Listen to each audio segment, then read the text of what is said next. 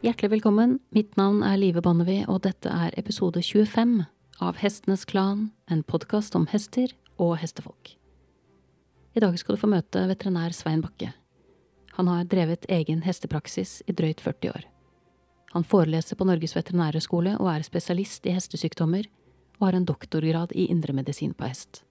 Han er også en av fem FEI-veterinærer i Norge, og har dermed bred nasjonal og internasjonal erfaring. Svein tilbringer i tillegg i snitt én dag i uken i rettssalen, som sakkyndig i rettssaker der tvisten står om kjøp og salg av hest.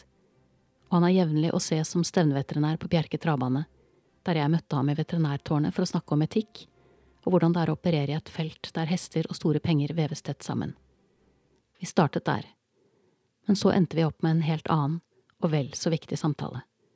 Om veterinæryrket og hvordan det ser ut fra innsiden om en bok som ikke lar seg oppdrive.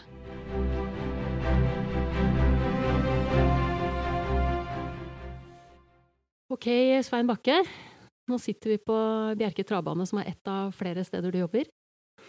Uh, og jeg har jo i forbindelse med denne podkasten gjort uh, veldig mye sånn forarbeid i forhold til hva the do's and don'ts, altså hva gjør man og hva gjør man ikke. Og noe av det de sier man ikke skal gjøre, det er jo å starte med med litt sånne kontroversielle eller ubehagelige spørsmål. Når jeg leser mitt første, så tenker jeg liksom at det er kanskje nettopp et sånt spørsmål, da, hvor man går rett på sak og spør eh, Altså, jeg kjenner jo deg som en eh, frittalende veterinær som holder deg til sak, men er ganske kompromissløs. Er det en beskrivelse som, som du kjenner deg igjen i? Ja. ja. Jeg er kompromissløs på vegne av dyret. Jeg er kompromissløs på vegne av hesten. Og det ønsker jeg å være, og det prøver jeg så langt som mulig å være også. Opplever du at det er uh, krevende? Nei, det er ikke krevende. Det er altoppslukende. Men vi har jo en solid biologisk bakgrunn som veterinær. Faglig bakgrunn som veterinærer. Og så har jeg vært så heldig at jeg har fått lov til å hospitere over store deler av verden. Hos de beste som er så gode at uh, en halvpart hadde vært nok for meg sjøl. Og har lært så mye av de. Så det, det, er ikke vanskelig. Men jeg må få nevne at eh, noen jeg har lært mest av, det var før jeg begynte å studere. Da jobbet jeg et halvt år som cowboy i USA. Og han farmeren som jeg jobbet for, han fikk eh, hester fra Zoo-indianerreservatet i nærheten. Eh, og for meg som var en naiv gutt fra landet, var det en opplevelse å være blant Sioux-indianere. Det ene var at de var rusa stort sett hele tiden, men det andre var deres syn på dyr. De hadde et, et, en syn på dyr som, hvor de holdt de verdige. De, de satt stor pris, men, men de, de satt eh, passet på at det var De behandlet dyr med verdighet. De sa bl.a. Eh, at eh, et menneske skulle aldri reise fortere enn en hest kunne ta det, for da fulgte ikke sjelen med. Og dette jetlag i dag, det er bare at vi har relatert det til andre ting med fly og forskjellig. Men de har det i sitt språk og sin kultur at hest De relaterer veldig mye til hesten og rundt hesten. Mm. De har lært mye. Um, du trekker fram den som et eksempel på uh, folk du har truffet som driver med hest, som er flinke til å nettopp sørge for at hesten beholder denne verdigheten. Mm. Og dette var jo tidlig i din karriere men du trekker dem nå likevel fram som det første eksempelet. Ja. Eh, da blir jeg jo nysgjerrig på hvor mye verdighet du opplever at du har sett siden. Mer og mer verdighet ser jeg eh, i hesteholdet. Og jeg ser mer og mer verdighet blant kolleger, hvordan de behandler hester. Hvordan de ser på diagnostikk, hvor de skal sette grenser. Og nå, nå er jeg inne på hestesiden. Eh, smådyr vil jeg ikke uttale meg om, men på hestesiden hvor går grensene henne for hva vi skal anbefale, hva vi skal gjøre? for det er eh, innenfor veterinærmedisin på samme måte som i medisin. The sky is the limit. Du kan drive kjermoterapeutika mot eh, kanser og nydannelser. Du kan gjøre avans veldig avanserte kirurgiske operasjoner. I utlandet amputeres det ekstremiteter, altså bein på hester. Vi gjør ikke det i Norge. Og spørsmålet er alltid hvor går grensene? Og der kommer det med verdighet og so-indianerne inn hele tiden. Mm. Utrolig interessant eh, perspektiv for en som meg, som driver med islandshest, som er kanskje på en arena hvor man er veldig nær naturen når man er sammen med hesten. For en av, en av de tingene som er eh, Jeg holdt så ut som jeg avbrøt deg nå. Ja, og det er fordi at jeg er uenig i at den er nærmere hesten på, med islandshester. Jeg har drevet med islandshester i mange år. jeg var halvblods. Og jeg er like nær naturen når jeg sitter på en halvblodsvallak som på en islandshest. Jeg sitter bare litt nærmere overflaten av jorden med en islandshest. Men det er like stor naturopplevelse med alle sammen. Ja, Nå tenkte jeg mer det at vi ofte kanskje er mer ute i skauen. Nå sitter jo du og jeg på Bjerke travbane. Ja, ja det er sant. Så det er den. det er sant. det perspektivet. Men det, men det å jobbe sammen med, med, et dyr er helt ufattelig god følelse. Uansett hva slags dyr en jobber sammen med. Hva slags hesterase det er. Mm. Hvor lenge har du vært veterinær, Svein? 42 år. Og du sitter her med stjerner i øynene og ja, et brennende engasjement fortsatt. Jeg må, jeg må, innrømme, og det sier jeg til studentene mine hver dag, våkner jeg opp og sier jippi. Jeg har verdens beste jobb, og jeg gleder meg sånn til dagen. Faktisk så gjør jeg fortsatt, altså. Hva er det Hvor kommer det fra, tror du? Nei, det var det vi snakket litt om før, før du trykket på knappen her. at det at eh, et eh, menneske, en dyreeier, overlater dyret sitt til meg i tiltro til at jeg kan hjelpe det. Og de stoler på meg, og de gjør det jeg sier. Og sammen så får vi til dette her. Det er jo så stort at uh, Ja, Så det er motoren? Ja, ja, er det altså. For du kom jo da eh, Det visste jo ikke jeg. Du har jo vært min veterinær på de hestene jeg har hatt i mange år. Mm. Um, men jeg var ikke klar over at du i tillegg til å på en måte i gåsehudene være en vanlig veterinær som reiser rundt på staller, også har en rolle som um, stevneveterinær. Ja. Uh, og har vært uh, sentralt på feistevne både i Norge og internasjonalt? Mm. Eller det er vel i Norge særlig, hvor du har hatt en litt sånn Ja, jeg har vært i Spania og USA og rundt omkring på mesterskap ja. internasjonalt. Også Norge. Og så har du da denne jobben nå på mm. Bjerke som veterinær, ja. Eh, stevneveterinær. Ja. Eh, I tillegg til dette så jobber du også eh, i rettsapparatet. Ja, fordi at jeg ganske tidlig, for en 25-27 år siden, ble jeg spurt av særlig én advokat, Oslo-advokat, om jeg kunne hjelpe han i forbindelse med kjøp-salgssaker som man var implisert i. Fordi jussen er én ting, men det medisinske er liksom den andre tingen som jurister har veldig lite greie på. Mm. Og det syns jeg var så interessant. Ja. At eh, Først tok jeg førsteavdeling juss, og nå driver jeg og skriver på Nav-behandling. Og så er, bruker jeg én dag i uka på å jobbe med juss, hestejuss og kjøp og salg, først og fremst. Så det er altså så mange saker der det oppstår tvist mellom uh, kjøper og selger av en hest, at du ja. tilbringer en dag i uka 52 dager i året på dette? Jeg kunne jobbet antagelig i hvert fall dobbelt så mye, hvis ikke flere ganger. Ja. Nå har jeg seks saker som driver og går, og én var i retten forrige uke. Mm. Og to er jeg ferdig med før i år. Det er, det er mye. Ja, det er mye. For forskjellige advokater. Ja.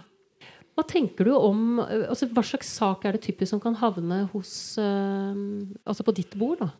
Ja, det er jo slik at uh, du har lyst på en hest, og så reiser du til en kar som har hest, og så blir du hodestups forelska i en hest som du har sett på og syns han er så flott, har så pene øyne, og prøver den kanskje en gang, og glemmer å spørre har det vært noe gærent med den hesten. Og selgeren som ser en eh, kjøper komme med stjerner i øynene og har veldig lyst på hesten, glemmer å fortelle om hva som feilte hesten tidligere. Og det er det klassiske. Og så kjøper du hesten. Men etter en par måneder under andre treningsforhold, andre skomakeri, eh, smeder eh, Mye forandrer seg. Så blir hesten halt. Og så begynner han å nøste bakover i sykejournaler så høye som de største bøkene våre. Mm. Og da ender vi opp med opplysningsplikt versus undersøkelsesplikt. Mm. Kjøper eller selger, hvem har størst plikt? Det er den klassiske saken. Er det vanskelig å avgjøre det? Altså, øh, hvor ja. er det mitt ansvar som kjøper øh, ja, og selger det er, det starter kjempe, og slutter? Det er kjempevanskelig. Det er det jeg skriver på. Det er det kjøper eller er det selger som har mest plikt når det blir en tvist? Og det er det eh, rettssystemet vårt som dessverre bruker altfor mye tid på. Skarpe dommere, skarpe dommerfullmektig, som må skrive lange dommer på dette her. I saker som kunne vært avgjort innenfor et rom med to advokater, to veterinærer og masse kaffe i løpet av noen timer. Ja. Så det går prestisje? Ja. Det går betydelig prestisje. Men, men, så er det jo slik at uh, biologi er læren om det uberegnelige, om variasjon over et tema. Og, og både situasjonen og virkelighetsoppfatningen er veldig forskjellig. Og det ser jeg de gangene jeg sitter som meddommer, sakkyndig meddommer sammen med dommerne oppe. Først så kommer den ene parten og forteller seg 'jeg kjøpte en hest', bla, bla, bla. Og da tenker jeg ja visst, jeg skjønner godt det, de tyn. Og så kommer selger som forteller vet du hva, hun kom til meg og ville kjøpe en hest, og da fant jeg Og da tenker jeg ja, det er klart det. Du gjorde det helt riktig. Og så er det opp til juristen å finne ut hvor veier fru Justitia med bindet, sverdet og vekta.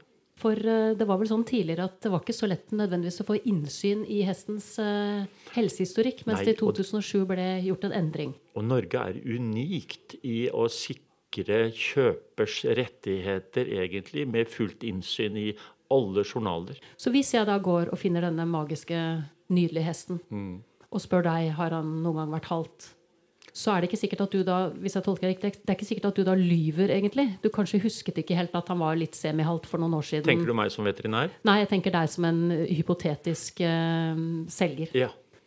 Uh, altså, det høres ut som det ikke alltid er vond vilje, da. Og det er det ikke heller. Ikke sant? Det er det ikke heller. Så den slue hesthandleren som jeg et kort øyeblikk her så for meg, mista litt farge her nå, føler jeg? De eksisterer så å si ikke nå. Nei. Og delvis fordi at hestemiljøet er så transparent med nettet som har kommet, så kan du følge en hest konkurransemessig. Hva gjorde han, hva starta han i, hvilke prestasjoner har han? Du kan se på nettet. Insta ligger ute med masse bilder. Jeg fungerte da og da, og det var fint. og sånt. Så, så, så hesteverden er blitt betydelig mer transparent. Og det, og det, er veldig bra. For alle sammen er det det. Ja. Ja, for det, det betyr at den, det, En av disse casene som jeg hadde tenkt å presentere for deg, som jeg har sett noen ganger, men nå er det mange år siden, da, mm. det er jo nettopp liten jente på rideleir på sommeren. Og det var for mange år siden så var det slik. Og da var det også slik at uh, Nå tråkker jeg litt sånn ømtålig at eh, hestetrenere i Sør-Norge reiste nordover og var instruktør i helgene. Og endte opp med å si vet du hva, du er mye bedre enn hesten du rir. Men jeg vet om en hest som hadde passa akkurat til deg. De var det mye av for eh, en del, heldigvis mange år siden. Ja. Så det er borte nå, på en måte? Ja, det er, det er i hvert fall betydelig redusert med, med, systemet hvor vi vet mye mer om alle hester. Det går an å se på, gjøre research på de fleste hestene per i dag. Mm. Så hvis jeg skal ut og kjøpe en hest, og prøver å unngå å kjøpe katta så virker det som det første jeg må prøve, er å legge følelsene litt til side. For det som gjerne skjer, er, jo Og det er umulig. Og det er umulig, ja. ja. Det er det. Det er som jeg skulle sagt det selv. Ja. Men prøve å legge følelsene til side og, og faktisk gå inn og gjøre en, en grundig vurdering av hesten. Og da ville jeg typisk kanskje ringt deg da, mm. og sagt Svein, jeg har en hest her som jeg vurderer å kjøpe. Hvor trygg For jeg vet jo det har også vært noen saker hvor man diskuterer hvor, hvor sikker kan man være på at man får sannheten fra veterinæren. Aldri være sikker. For hvis du kjenner han som selger, mm. og dere har en tett relasjon, og kanskje til og med han som selger har anbefalt deg, har, vi, har, det vært mye grums i den avdelingen? Altså At veterinæren Nei. blir en brikke i spillet? på en måte? Ja, veterinæren vil alltid være en brikke i spillet. Men fra sentralt hold, Hestepraktiserende veterinærsforening, er det sterke direksjoner om at behandlende veterinær er ikke ønsket som veterinær for en kjøpssalgsundersøkelse. Men, men det en bør spørre om, det er jo for det første hvem er veterinær? Og det andre er vil du åpne journalen slik at jeg kan få en innsyn i hestens journal eller helsekort eller forskjellig. Og en selv som kjøper er ofte ikke kapabel til å vurdere dette her, men da gjelder det å ha sin veterinær som kan se på det. Mm. Tidligere var det slik at vi fikk sendt masse røntgenbilder til gjennomsyn. Det er heldigvis slutt på for røntgenbilder. Det er bare en grov ting, og en vet ikke fargen på hesten engang når en ser på røntgenbildene. 90% av hestene som kommer inn på Veterinærhøgskolen hesteklinikken med halvteter, har ingen funn på røntgen. 90 mm. ja. Betyr det at halvtheten da kommer fra en andre strukturer. Ja, men, men, men, men, du er jo inne på noe vesentlig, for det er de ortopediske lidelsene som er hovedsakelig utskjaltingsgrunn på hester i dag, når vi ser på statistikken fra forsikringsselskap og andre som driver og fører statistikk. Mm. Men vi vet jo at mesteparten av skadene i hestens bein det er bløtvevsskader. når det gjelder ledd, leddkapsel og innvendige deler, og brusk som ikke syns på røntgen, eller sener som ikke syns på røntgen, eller andre ting som heller ikke syns på røntgen. Kan du gi et eksempel på en sak du har hatt som, som uh, kan være egnet til å gi meg som utenforstående et innblikk i hvor galt det kan gå, hvis du skjønner? Nei, men det, det, er jo grader av alt mulig. Jeg hadde for en god stund tilbake en eh, hesteeier som, som, jeg hadde kjent fra lang tid tilbake, som skulle kjøpe seg hest, og som kunne fortelle at eh, den har en løs, en løs, bit i kneet og en løs bit i koden, som, som de, skal, de, skal, fjerne før jeg får hesten. Og så foreslår jeg ja, du vil ikke at jeg skal se på røntgenbildet, da? Bare hva det dreier seg om. Og da de sendte meg bildene, så var det ganske riktig en løs bit i en kode, men i et kne så telte jeg 23 løse biter og en stor defekt i sjølve rullekammen i kne. Og da jeg ringte opp igjen og, og kunne fortelle at uh, den ene hadde formert seg betydelig, nærmest som kaniner i løpet av veldig kort tid, så ble det heldigvis ikke noe kjøp. Og jeg vet heller ikke hva som skjedde med hesten videre. Så, så, en skal En, en trenger en, en, eh, konsulent, en trenger en veterinær, for helse er en viktig del av en hest. Mm. vi snakker om helse er en viktig del av en hest, så har jo du da også ditt virke her på Bjerke. Mm. Eh, og da kommer vi, toucher vi også inn på noe av det som jeg er veldig fascinert over, og det er dette punktet hvor hesten og penger havner i samme potten. Altså hvor, hvor, hest og penger blir vevet tett sammen. Fordi jeg tenker alltid at det er vanskeligere å ivareta velferden hvis, hvis, du kan vinne 500 000 ved å prøve å lirke på den. Hvis du skjønner hva jeg mener? Jeg skjønner hva du mener, men jeg er usikker på om det er korrekt. Hest og penger har alltid vært vevd sammen. Mm. Og i Norge hvor det er såpass dyrt å ha hest, det er veldig ressurskrevende å ha hest på et ridesenter i Oslo. Jeg fatter ikke at folk har råd til å ha en hest. Ja. Det koster antageligvis en 150 000 i inntekt for å kunne bare ha en hest der. Så er hest og penger vevd sammen. Mm. Og Der er det også viktig å ha en frisk hest. Det koster like mye med en frisk hest som en syk hest. Bare at den friske kan du bruke samtidig. Her på Bjerke er hestevelferden, dyrevelferden, veldig godt inkorporert. Det er eh, gode undersøkelser som foretas. Det er såpass store krav til hestene i dag at en hest som er dårlig, som er syk, ikke klarer å hevde seg i løpet overhodet.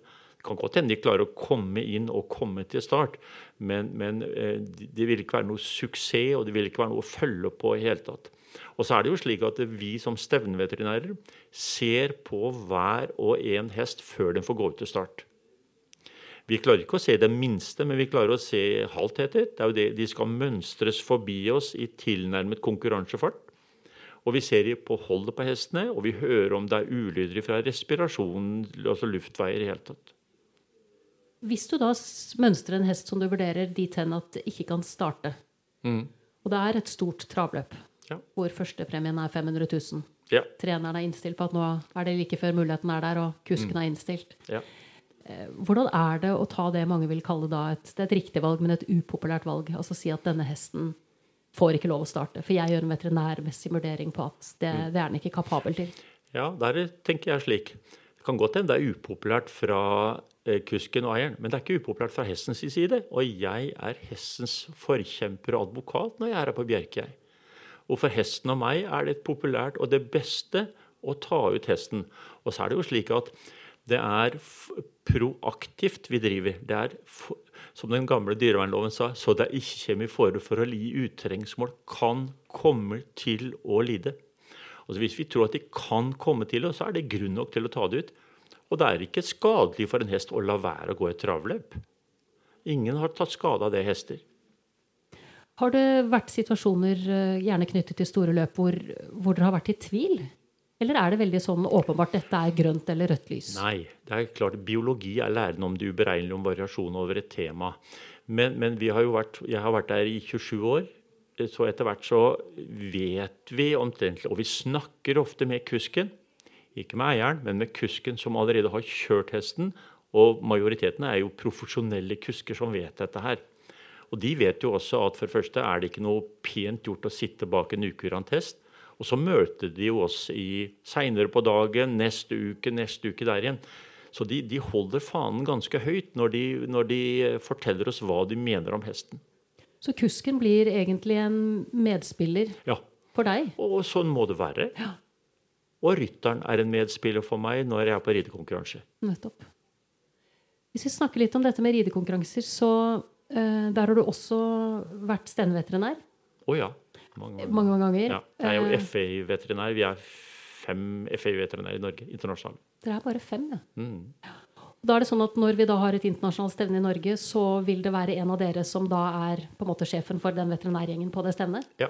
Og noen ganger også medlem av kommisjonen, litt avhengig av hvor stort stevne det er. Ja. Og så kan du også reise ut da og være dommer på internasjonale stevner, som du har gjort en del. Ja. Da kom jeg over en artikkel uh, som jeg ble veldig interessert i. Det var knyttet til um, en OL-medalje som Norge mistet. Som følge av en positiv dopingprøve. Ja. Uh, og da sa du at det stoffet som ble funnet i den hesten, det var et stoff som du hadde funnet i tomme tuber på nesten hver eneste søppelkasse du hadde gjennomgått på internasjonale stevner. Det stemmer.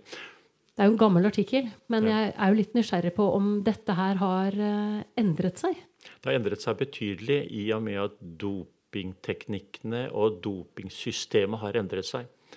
Nå er jo ridesporten som du vet, innenfor Idrettsforbundet, og det betyr at det er Antidoping Norge som styrer dette her, på samme måte som ski og fotball og alt mulig rart. Den gang i Hongkong hvor det var OL, eller ridedelen av OL, var det én grunn til at så mange ble tatt. For det var jo ikke bare Norge som ble tatt, det var en tysker, og det var et par nederlendere. Og Det var at sjefen for dopinglaboratoriet holdt oppe 24 timer i døgnet. De sendte umiddelbart prøvene inn før stoffene ble så mye nedbrutt at det ikke ga positive prøver. Noe som har vært tilfellet tidligere. Så det som ble gjort der, nå er jo udiskutabelt hva som ble gjort, det hadde vært praktisert mange, mange år, ved veldig mange hadde gjort. Men vi kan risikere at det fortsatt er sånn at eh, man har noen måter å dope hester på som ikke fanges opp? Definitivt. Og vi så jo her på Bjerke for noen år siden, da det var en positiv italiensk hest som vant eh, den store Grand Prix med to millioner til første, hvor det var brukt kobolt som injeksjon, som har samme effekt som EPO. Såpass. Ja. Men da ble det fanget opp. Da ble det fanget opp av en årvåken sjefveterinær i eh, Norske Travselskap, Anne Vangen. Ja. Vil du si at det er mye utbredt i denne type sport, altså i, i travsport og galoppsport, Nei. å bruke Nei, Nei. ulovlige stoffer. Det er det ikke. Nei. Jeg tok opp litt statistikk, for jeg regner med at du gjerne Ja. vil ha tall her. Kjempestas. Ja, Det siste jeg fant, var fra 2017. I år er det jo unntakstilstand, så vi vet ikke. Men 2017 så ble det arrangert eh, knappe 4000 løp i Norge. Altså 35 000-40 000 starter. Og det var 1480 dopingprøver, ingen positive. Det er jo strålende. Ja, det, det er det, altså. Det er, og det er et veldig sikkerhet for alle at de skal starte uten at hesten er påvirket. Altså fra hestens side. Han skal slippe å gå konkurranser under påvirkning av medisiner. Det er en rett hesten har, og, som man, og dyr også har. Bare for å ta det, Når det gjelder Rytterforbundet, så fant jeg også samme at uh, i Norge er det ca. 40 000 registrerte hester i Rytterforbundet. Og i 17 igjen startet 5000 hester i ca. 70 000 starter. Det var bare 45 dopingprøver som ble tatt. Såpass. Ja. Og det er fordi at de må selv finansiere sin dopingprøver. Alle var negative. Og det er ganske dyrt. Det koster mange tusen kroner per prøve. Prøvene som foretas her på Bjerke, de finansieres jo over Rikstoto og spillmidlene. Og da er det mye lettere å få et stort antall. Men, men eh, de finansieringsmulighetene er ikke til stede i ryttersporten, dessverre. Nei, nettopp. Så det, ja, nettopp. Så det er, eh, det er økonomien i sporten. Det er økonomien som rår. Ja, Det er det. ikke sant. Hva tenker du om hestevelferden da, over de årene hvor du har eh, vært stevneveterinær og vært tett på konkurransebildet? bedre og bedre hvert år for år. Det er betydelig bedring nå kontra da jeg begynte som, som veterinær. Stor forskjell. Stor forskjell i kunnskapen blant de som har hester. Stor forskjell på kvaliteten på hester og helsa på hestene også.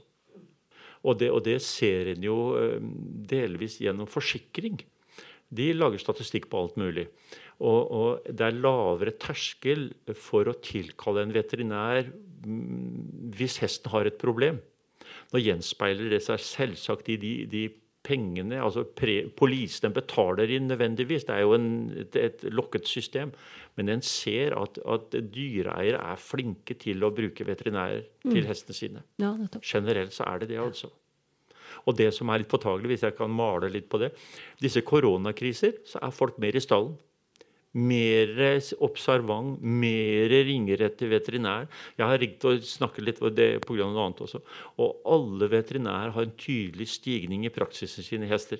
Ja, Så hestene har kommet godt ut av ja, og korona? også smådyrene. Jeg har en kompis som driver et dyrehospital i Fredrikstad. Ja. Smådyrene også.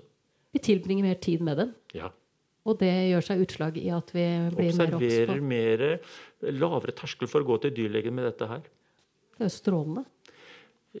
Ja, for veterinærene i hvert fall. Og for dyrene. For dyrene. Det er helt riktig. Ja. Det, er det. det er jo en del som sitter på eh, gjerdet og ser fra utsiden og ser inn på hestesporten og tenker at det her er eh, grov utnytting. Dette er dyreplageri. Dette er aldri noe hesten ville valgt selv. Dette er uh, slett velferd. Dette mm. er på tvers av alt en hest er. Hva, hva tenker du? Ja, de tar nok feil. Mm. Eh, men det er jo grader av alt mulig. I Norge her, En hest ville neppe overlevd ved å gå vill i Norge med de vintrene vi har. Så de er avhengig av mennesker og menneskers hjelp og menneskers eh, housing og fòring og vann og alt mulig. Så tror jeg ikke hadde klart De hadde ikke overlevd, antageligvis. Så de er avhengig av menneskene. Og de som påtar seg å ha hest, er veldig samvittighetsfulle mennesker som bruker av sitt overskudd og sitt følelsesliv til å omgås hesten. Og det er jeg veldig glad for. Det må det jo være som veterinær. Ja, hvis det er det. Ja. Men det er jo på en måte et veldig sånn uh, vakkert perspektiv uh, du presenterer i forhold til at vi er liksom litt på stigende kurs i forhold til å ta vare på hesten vår. Ja, hva mener du da? Nei, jeg tenker altså Det du sier om at velferden er blitt vesentlig bedre, at ja. folk er flinkere til å på en måte ta vare på hestene sine. Ja. Mens det jeg ser litt i minnene, er jo også at diskusjonene rundt hvorvidt hestene har det bra, er hardere nå ja, det er, enn det var da velferden var dårligere. da. Ja, men det er, det er, det er en bevisstgjøring. Og så er det jo slik at kontrollinstansen Mattilsynet er mer på hugget nå enn det var tidligere. Tross alt og stiller krav, tar folk og politianmelder tar folk til retten og sier vet du hva, sånn skal ikke dyr ha det. Og veterinærene er flinkere til å si ifra. Eh, jeg har blitt leksa opp og ned da jeg var fersk veterinær av en eldre kollega som sa at eh, du må være klar over at vi lever av disse her. Du skal slutte med den kritikken du kommer med her. Så dette er leveprøvet vårt. Sånn er det ikke i dag. Nå, nå, drar alle veterinærene meg bekjent ut og har velferd og sier ifra tydelig. Mm. Og jeg må jo si at der, med inntog av en kvinnelig majoritet, så er det blitt betydelig bedre. Du tenker at det hadde noe å si? Ja, det er jeg ganske sikker på. Kvinner, for å ikke si jenter, de har mer samvittighet på det feltet der. Jeg er ikke i tvil om et øyeblikk. Så du tenker at det rett og slett har farget over på velferden i hestesporten? Definitivt. Det er jeg ganske sikker på. Nå har jeg undervist siden 1978 på Veterinærhøgskolen. Og jeg har jo sett trenden i hele tatt, og det er jeg ikke i tvil om et øyeblikk. Det er også et fascinerende perspektiv. Ja, det er det. Ja. Da er jo litt sånn fristende å stille spørsmål da med hvorvidt selve utdannelsen av veterinærer sånn sett da også har endret seg veldig. Det må den jo nesten ha gjort. Den er jo veldig tradisjonell og, og, hva skal jeg si, konservativ, har jeg hørt fra ja. de jeg kjenner som er veterinærer. Ja, og det, og det er det fortsatt. Men, men, veterinærutdannelsen Nå har jeg vært så heldig at jeg har forelest på veldig mange universiteter. Og jeg har sett litt eh, her og der. Og fundamentet er helt likt. Og det er de samme menneskene som blir veterinærer. Det er ungdommer som er glad i dyr. Som er veldig glad i dyr. Som har tenkt å vie livet sitt til dyr. Ja. Jeg, så ikke de skoleflinke som sikter mot den høyeste utdannelsen, som man kan se en del hos leger? Nei, det er slik. For noen år siden så gjorde jeg en undersøkelse på vegne av Veterinærforeningen og sendte ut et spørreskjema til 450 veterinærer og sisteårsstudenter for å høre hvorfor ble de veterinær. Og eh, når bestemte de seg under studiet hva slags jobb de ønsket, og hva slags erfaring har de videre? Og det var kjempeinteressant, de svarene som kom. Jeg fikk tilbake 380 svar. Og de gamle veterinærene Nå var det her et, sånn et spørreskjema. De hadde ikke bare krysset, de hadde snudd arket og skrevet om livet sitt.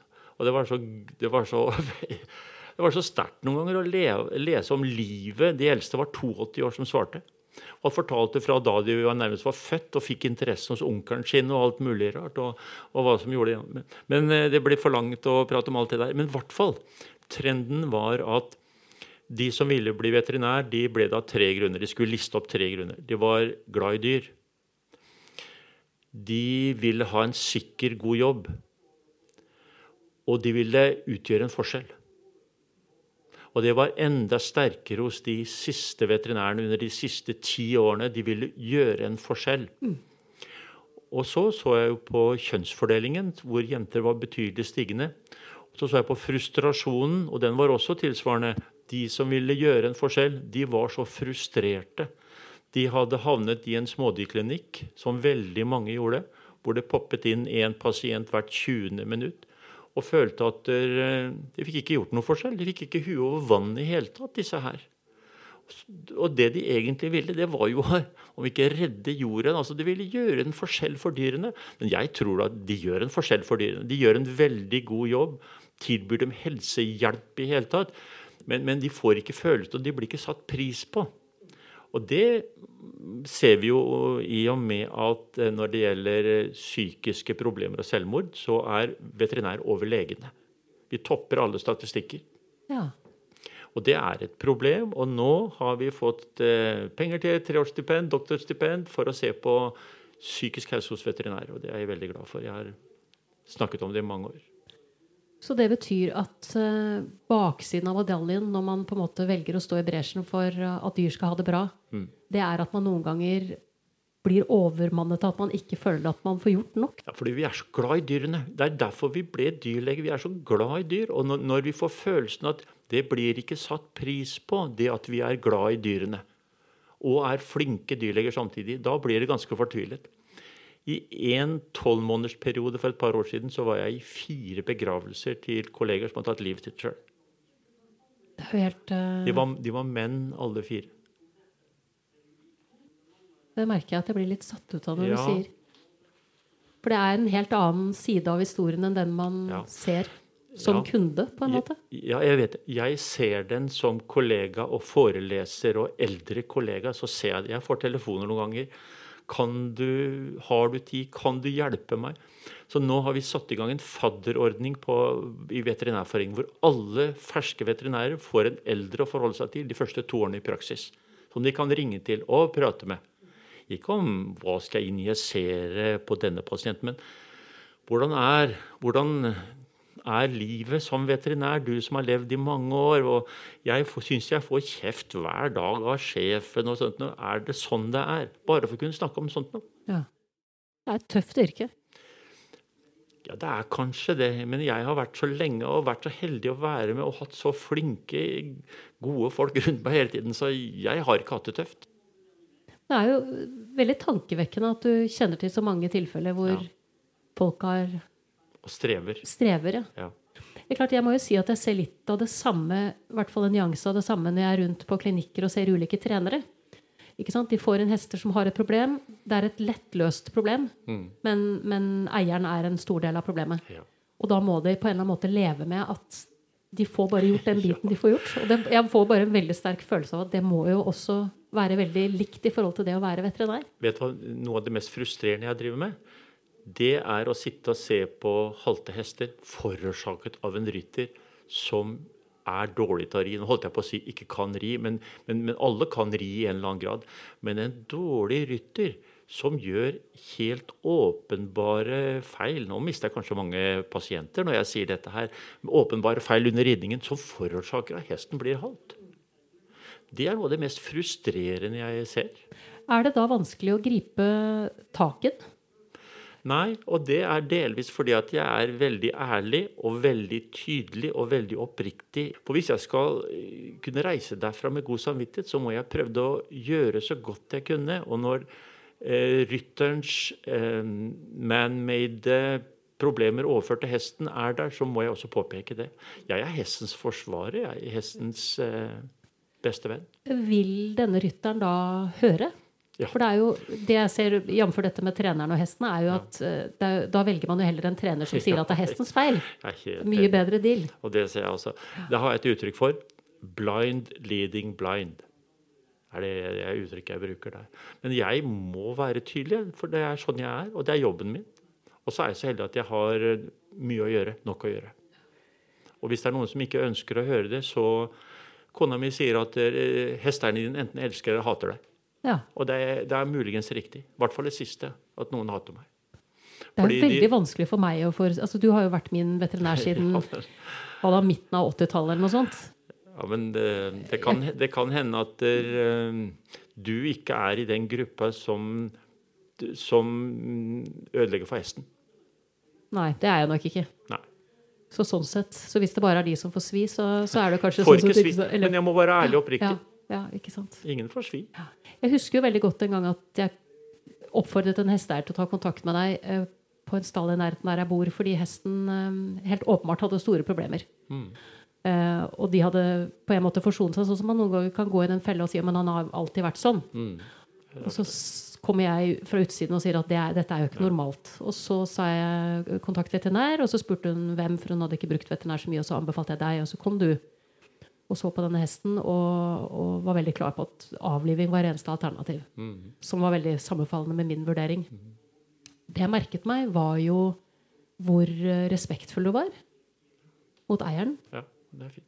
Eh, og hvor ryddig du var i forhold til at du sa at nå har jeg på en måte sett det. Nå har jeg sett denne hesten, sånn at det er på en måte for sent å snu. ikke sant? Jeg er en del av Mattilsynet, forvalter eh, hestevelferd. Sånn at du får noen dager til å si ha det og sånne ting, men, men denne hesten må få slippe. Og jeg husker at jeg var jeg må si jeg var veldig berørt av hvor fint du behandla den eieren. Og selvfølgelig også at du faktisk snakka hestens sak, for den hesten hadde det jo virkelig ikke bra.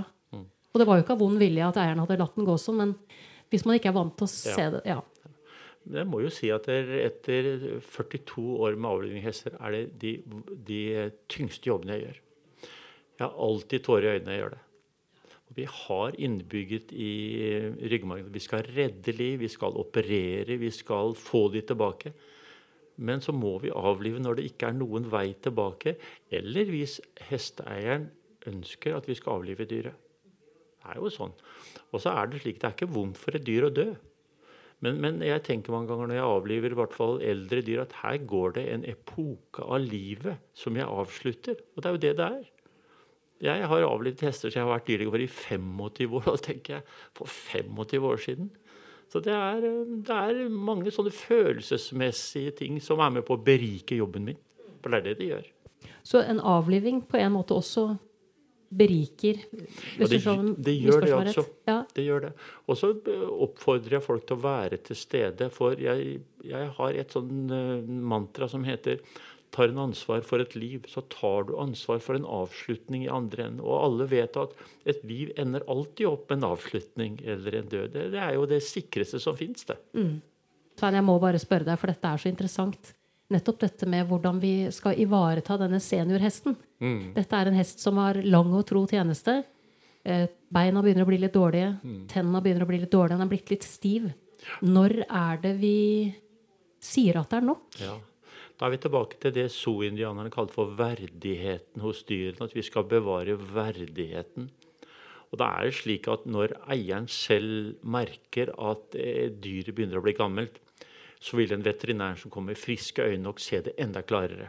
Og kunne gi en enda mer sikker vurdering. Sånn og sånn og sånn er det. Vi har den tiden å gå på. Du bør bestemme deg i løpet av så og så lang tid. Men det varierer veldig fra hest til hest. Det er, det er veldig individuelt. Og jeg er veldig tydelig hos de mine pasienter, eh, eiere, hvor jeg sier at vet du hva, nå går det mot slutten. Og det, du bør ikke ta, bestemme deg her og nå, men eh, du bør bestemme deg i løpet av neste uke når vi skal gjøre det. Og så sier jeg alltid eh, at Og så vet du jo at jeg er så glad i dyr, det er derfor jeg er dyrlege. Så jeg kommer til å komme forbi her om en par ukers tid og se at du har effektuert det. Og så håper jeg vi eh, får gjort det i løpet av den tiden. Og hvis du lurer på det, kan du ringe meg. Men jeg følger det alltid opp. Mm, ikke sant? Jo. Det er, det er hardt, og det er tungt, og det er ubønnhørlig, og det er endelig å avslutte et dyr. Har du noen historier fra det? Som har uh, gjennom alle disse årene gjort et særlig stort inntrykk? Altså Jeg har jo historien hvor, hvor jeg måtte avlive min første hest. Mm. Som står der som et sånt punkt som aldri lar seg flytte på eller glemme. Har du uh, avlivet noen hest noen gang hvor du liksom har kjent at, at du bærer det med deg? da? Nei, ikke som jeg bærer med meg, men, men, jeg husker nesten alle avlivninger jeg har gjort. Og det er fordi de gjør sånn inntrykk. Det, det, gjør sånn inntrykk, for jeg lytter alltid på hjertet. Hjertet har en egen liten motor, en sånn sinusknute, som passer på. Det er liksom en pacemaker, og den slår etter at dyret ligger nede. Og det, det, det er umulig å reise uberørt fra et hjerte som har sluttet å slå. Og følge det på slutten, hvor det begynner å gå ukontrollert, eh, litt vibrasjoner, og så veldig få, så er det ikke mer.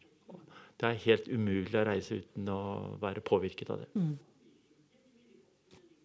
Tenker, ja, jeg tenker også i det, når vi snakker om det med avliving av hesten, også på hvor flinke har vi vært da til å nettopp gi hesten verdighet og gi den et godt liv før den kommer til det punktet. da flinkere og flinkere. Jeg syns eh, min erfaring og i min praksisområde og her nede på Østlandet, som jeg kjenner best, er vi flinke til det. Mm. Eh, når det er sagt, så ringer jeg hver måned til Mattilsynet og gir en bekymringsmelding til et eller annet sted. Som jeg kjører forbi som regel og ser at, eh, og lurer på har de her hestene det bra. Og jeg har et veldig godt forhold til Mattilsynet. De spør meg må vi reise ut i morgen. Kan vi vente en uke, eller hvordan vurderer du situasjonen? Og i noen tilfeller så spør de meg kan du være med ut og se og gjøre en vurdering. Så Mattilsynet gjør en kjempebra jobb oppi dette her. Det interessante er jo selvfølgelig da at når man følger eh, eh, saker som Mattilsynet har, så dukker jo noen av dem opp i sosiale medier og tar veldig stor plass. Og hvis man bare navigerer etter det som står på sosiale medier, så ville man tenkt at dette er en gjeng som de bryr seg ikke, de er opptatt med andre ting, mm. Eh, de gjør ikke jobben sin. Eh, og så er det veldig interessant å høre deg nyansere dette bildet. Ja, situasjonsbeskrivelser kan være så veldig mye. Og virkelighetsoppfatning er jo veldig subjektiv. Og da er tilbake følelsesmessig Jeg ble dyrlege fordi jeg er så glad i dyr og er så glad i hest og har sterke følelser overfor hest. Så jeg vil ha en lav terskel for å be Mattilsynet komme ut og se på den hesten som jeg kjørte forbi. Eller kanskje lav terskel for å si vet du hva, en må få slippe. Nå, vi, nå har den levd lenge nok og du må ta en ordentlig, verdig, god avslutning, og så ringer du til meg eller noen andre dyrleger. Så jeg har nok en lav terskel på det. Og så må vi huske på at Mattilsynet har antageligvis eh, 10 000 bekymringsmeldinger i året. Og så er det en 0,1 promille som ender opp i sosiale medier. Hvor Mattilsynet har taushetsplikt og ikke kan si hva som egentlig var tilfellet. Men så begås det feil. Jeg gjør feil hver uke. Jeg tror alle mennesker gjør feil. Men vi gjør så godt vi kan alle sammen for det. Det er jo en vakker avslutning på et veldig, veldig hyggelig intervju, Svein. Men jeg må jo eh, stille det spørsmålet som jeg prøver å bake inn i intervjuene eh, som jeg har på denne podkasten, og det er jo Har du sett noe gjennom din praksis over alle disse årene som du tenker at det her skulle flere hestefolk visst? Og så har det vært en, en konkret, uh, konkret, enten tilbakevendende ting eller noe som det er lett for oss å gå glipp av, men som du ser fordi at du har jo så det er jo så uh, Du er jo i berøring med så mye hest. Så du ser et større bilde enn veldig mange andre. da. Jeg er jo utdannet indremedisiner, har en doktorgrad i indremedisin. Og er veldig glad i hjerte og lunger og forskjellige ting. Og jeg unner alle hestemennesker å se hesten innvendig, hvordan den er laget, hvor fantastisk flott den er laget. Er, eh, jeg er ateist, jeg kan ikke si det er Guds under, men Darwin, hvert fall, da han laget hesten, laget et fantastisk individ. Og en burde ha jeg, Rytterforbundet, Kirsten Arnesen, ordnet et, et, symposium her i fjor der vi dissekerte et hjerte. Og tidligere har vi tatt et hode og ting. Og jeg blir like fjetra hver gang sjøl når jeg står og skjærer i det og forteller om hvordan det er, og hvor blodet går, og hvor fort det går, og, og hvor mange liter oksygen han kan ta. Hesten er et fantastisk biologisk vesen. Noen, Det er faktisk mange av mine lyttere som har spurt en god bok hvis man vil lære mer om hestens anatomi, fysiologi, biomekanikk. Har du noen sånne konkrete anbefalinger for folk som, som lar seg inspirere av denne podkasten og tenker ja, jeg vil lære mer om det. Jeg vil se innsiden av hesten. Nei, dessverre. Kanskje det var noe du skulle skrive.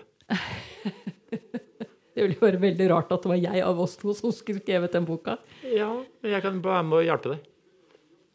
Ja, det, Det er- jeg tar deg på ordet, jeg nå, Svein. Veldig fort. Det er slik. For uh, ti år siden, en god venn av meg som var redaktør i Halden Arbeiderblad, han spurte meg om vi skulle skrive en sånn bok sammen. Og da sa jeg det kan vi godt, og så satt vi et tidspunkt, og så var han i dårlig form. Så han gikk, begynte å gå på treningssenter, og på andre treninger fikk han hjerteinfarkt og døde. Så Men jeg er i god form. du er i veldig god form og shape. Ja. Så tilbudet gjelder. Og at det er behov for en slik bok, Ja, det er det. er ikke tvil om. Men da, da føler jeg at vi går ut av dette Har en avtale. intervjuet med en veldig interessant avtale. Svein, tusen hjertelig takk. Bare gleden er på min side. Ja, det var en fornøyelse å prate med deg, som alltid. Du har nettopp hørt episode 25 av Hestenes Klan, en podkast om hester og hestefolk. Takk til min faste komponist Fredrik Blom. Takk til min gjest Svein Bakke. Og sist, men ikke minst, takk til deg, kjære lytter, for tålmodigheten. Måtte hesten for alltid være med deg.